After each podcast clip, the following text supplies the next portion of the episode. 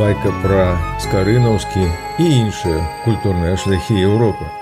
Шматлікія краіны паяднаць, пакінуць у стагоддзях памяць прыдатны чалавек адзіны, калі імя ягоная скарына. Прывітаннечка ўнука. Раскажу я табе сёння байку пра шляхі чалавечыя, розныя, найперш еўрапейскія, культурныя, што ўздоўж і ў поперак усю Еўропу спаласавалі. Пра тое, як тэрыторыя беларусі нашай. У іх даўней арганічна прысутнічала ды і вярнуцца магла б неўзабаве. Гэтаксама арганічна. Любыя шляхі каб ты ўнука ведала натуральным чынам складаліся збольшага пазручных для пераходу пераезду бальшаках часта ўздоўж рэчак бо вода бегам сваім самы аптымальны маршрут выбірае да мора акіяну У розныя часы шляхі вандроўныя самых розных людзей вабілі, не заўсёды бескарыслівых. І ненатольную цікаўнасць да розных мясцін Еўропы задавальнялі, сабою іх злучаючы, захад з усходам, поўнач з поўднем і наадварот, і кругаля ва ўсіх магчымых накірунках, тысячагоддзямі шляхі Еўропу аб'ядноўвалі, сабою знітоўвалі, Зараз шляхамі гэтымі рада Еўропы апекуецца, афіцыйна іх рэгіструе. Адсочвае якасць падрыхтаваных маршрутаў, кантралюе іх, на ўлік ставіць. Скажу табе ўнука, шмат працы перарабіць трэба і бюракратычнай солі з'есці перш, чым шлях зарэгістраваны стане. На сённяшні дзень да складу сеткі шляхоў еўрапейскіх 61 краіна далучылася. Дзейсныя сябры яго развязу і не толькі, з розным статусам і колькасцю шляхоў, што па іх тэрыторыях пракладзена. Афіцыйна ўсяго 45 шляхоў зарэгістравана. Францыя з'яўляецца абсалютным рэкардсменам па іх колькасці. Абсягі краіны гэтай аж 32 шляхі перасяклі і найстарэйшы шлях святого Якова зарэгістраваны яшчэ ў 1987 годзе і апошні шлях д'Артаньяна. Шлях святого Якова з розных мясцін праз усю Еўропу ў адну кропку цягнецца да места кампастэла, горада, што на самым на паўночным заходнім ускрайку Гішпаніі месціцца, які культурным і рэлігійным магнітам стаў. Многія стагоддзі жыхары Францыі, Чэхіі, Партугаліі, нямметчыны праходзілі па ім. На пачатку дзеля таго, каб астанкам святого Якова пакланіцца, якія па легендзе у галоўным храме мястэчка кампастэла спачын знайшлі, таму і называцца горад стаў Сантьяга вераць хадакі, што паломніцтва гэтае абавязкова спрыяць ім пазней будзе ў яшчэ больш далёкіх і рызыкоўных вандроўках. Своеасаблівым сімвалам вандраўніка стала акіянская ракавінка. Яе паломнікі на адзенне ці да заплечнікаў прышывалі, каб падкрэсліць і зрабіць відавочную сваю місію гуманітарную, акрамя паломнікаў і гандляроў, шлях іншыя хадакі выкарыстоўваць сталі. І дзеда твой яго ў 2016 годзе адолеў. Надпіс выбіты на ходніках. Шляхамі пілігрымаў кампастэла Еўропа была зроблена уласнымі нагамі зацвердзіў. Раскажу табе пра гэта унука таксама, але ў наступнай байцы. Шлях д'Артаяна і мушкетёраў быў зарэгістраваны ў 2021 годзе. Прапануецца 6 тысяч кіલોметраў па шасці краінах Еўропы прайсці, Францыі, Італіі, Бельгіі, Германіі, Галандыі, Іспаніі, пад дэвізам адзін за ўсіх усе за аднаго. Рэальнае жыццё са старонкамі неўміручага твора Александра Дзюма спалучыць. Літваш на сваёй тэрыторыі ўсяго чатыры культурныя шляхі мае Сантьяга де Кампастэла, габрэйскай культурнай спадчыны імпрэсіяністаў. З 2019 года да шляху жалезнай заслоны далучылася таго, што на ўспамін пра паўстагоддзевы падзел Еўропы на заходнюю ўсходнюю створаны быў ад баренцава да чорнага мора амаль на 10 тысяч кіલોметраў раскінуўся.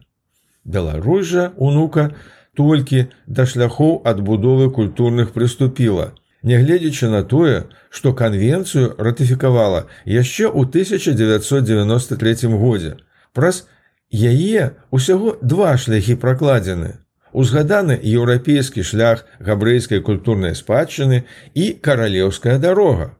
Апошні, злучыўшы ўсходнюю і заходнюю Еўропу, пракладзены быў яшчэ ці не ў каменным веку.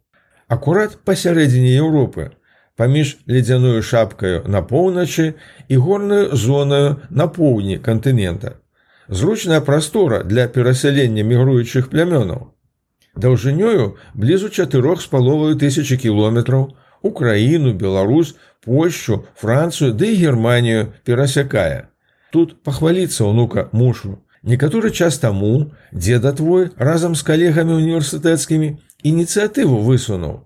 Дэкларавалі мы намер яшчэ адзін культурны шлях да сям'і еўрапейскіх культурных шляхоў дапасаваць, вывучыўшы папярэдне і абгрунтаваўшы дасканала. Шлях францыска з карыны. Памятаеш, я табе пра яго і кніжку малую падарожную баяў, надрукаваную ў вільні 500 гадоў таму. Дык вось, прыйшла нам ідэя знітаваць адзіным шляхам некалькі еўрапейскіх краін і гарадоў. Абапершыся на шматбаковасць рэнесанснай асобы францыска з карыны і жыццёвыя пуцявіны ягоныя, дзе навучаўся, дзе жыў, дзе працаваў, філосаф, першадрукар, лекар, прадпрымальнік, садоўнік, усё з вялікай літары, дзе працы ягоныя і па сёння захоўваюцца. Полацыкі вільню, кракавую прагу, падаю і венецыю, а яшчэ Вітенберг, Вену, Капенгаген, Рыгу, Кенігсберг, Калінінград сённяшні і Маскву. Паказаць, як францыск скары на сабою самую сутнасць еўрапейскую злучыў і шматкроць памножыў. Да ініцыятывы нашай далучыліся полацкі музей-запаведнік і універсітэт, а таксама віленская гімназія імя францыска скарыны. Экспедыцыю зладзілі паміж полацкам і вільнею, даследавалі і фіксавалі тое, што на уласныя вочы мог бы бачыць францыск скарына і тое, што з'явілася пазней рэнесанснымі ідэямі напітаная іншымі вачыма прастору пабачылі са сталіцы і да сталіцы як у песні лерысом і андрэя мельнікова гучыць. Паслухай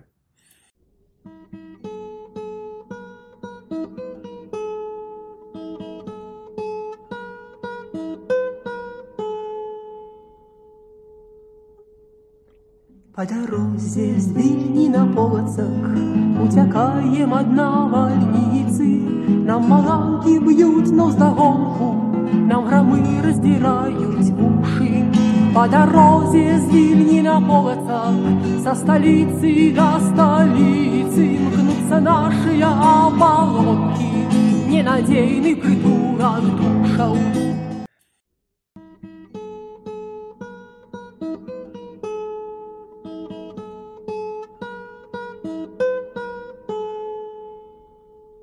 Шлях скарынавы, які экспедыцыя атрымаліся на дзве часткі мяжою падзеленымі. Асобна пад тэрыторыі літвы і аб'ектах вільні ад мяжы з Беларусю праз вёскі лаворашкі з барэйкішкі і мястэчка міцкунай.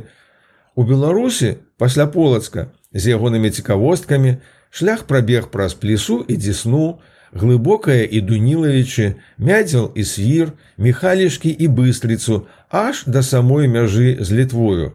У аграсядзібах начавалі, беларускіх камароў кармілі, людзей цікавых слухалі.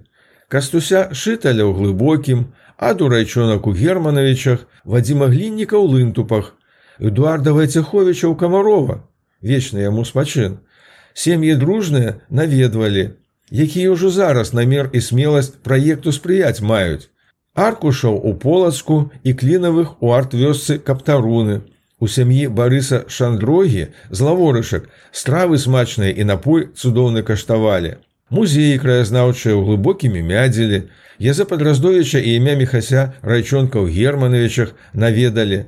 Пра школьны музей у міёрах, створаны энтузіастам вітольдам ермалёнкам дазналіся. Дзверы ў храмы старадаўнія, у вільні і полацку, дзесней глыбокім, дунілавічах і мехалішках быстрыцы з трэпетам адчынялі. На берагах рэчак дзвіны, палаты, мнюты і вілі нераса, рэшткі замчышчаў старадаўніх адшуквалі. Прыгожымі абсягамі азёраў мядзел і свір надзівіцца не маглі. Вельмі насычаная вандроўка ў часе і прасторы атрымалася. Па выніках абедзвюх экспедыцый на літоўскім радыё тэлевізіі справаздачы маюцца. Сайт прыгожы распрацавалі. Пляцоўкі адмысловыя маем у Facebook, Telegram, ВКтакце, якія штодня новымі матэрыяламі напаўняюцца. Ты толькі часу на іх унука не пашкадуй. Сама глянь. Тут табе пакідаю да іх наўпроставыя лінкі. А вось сем літвы 2022 год юбілейным скарынавым абмяшчае. Шмат цікавага ў ім быць маецца.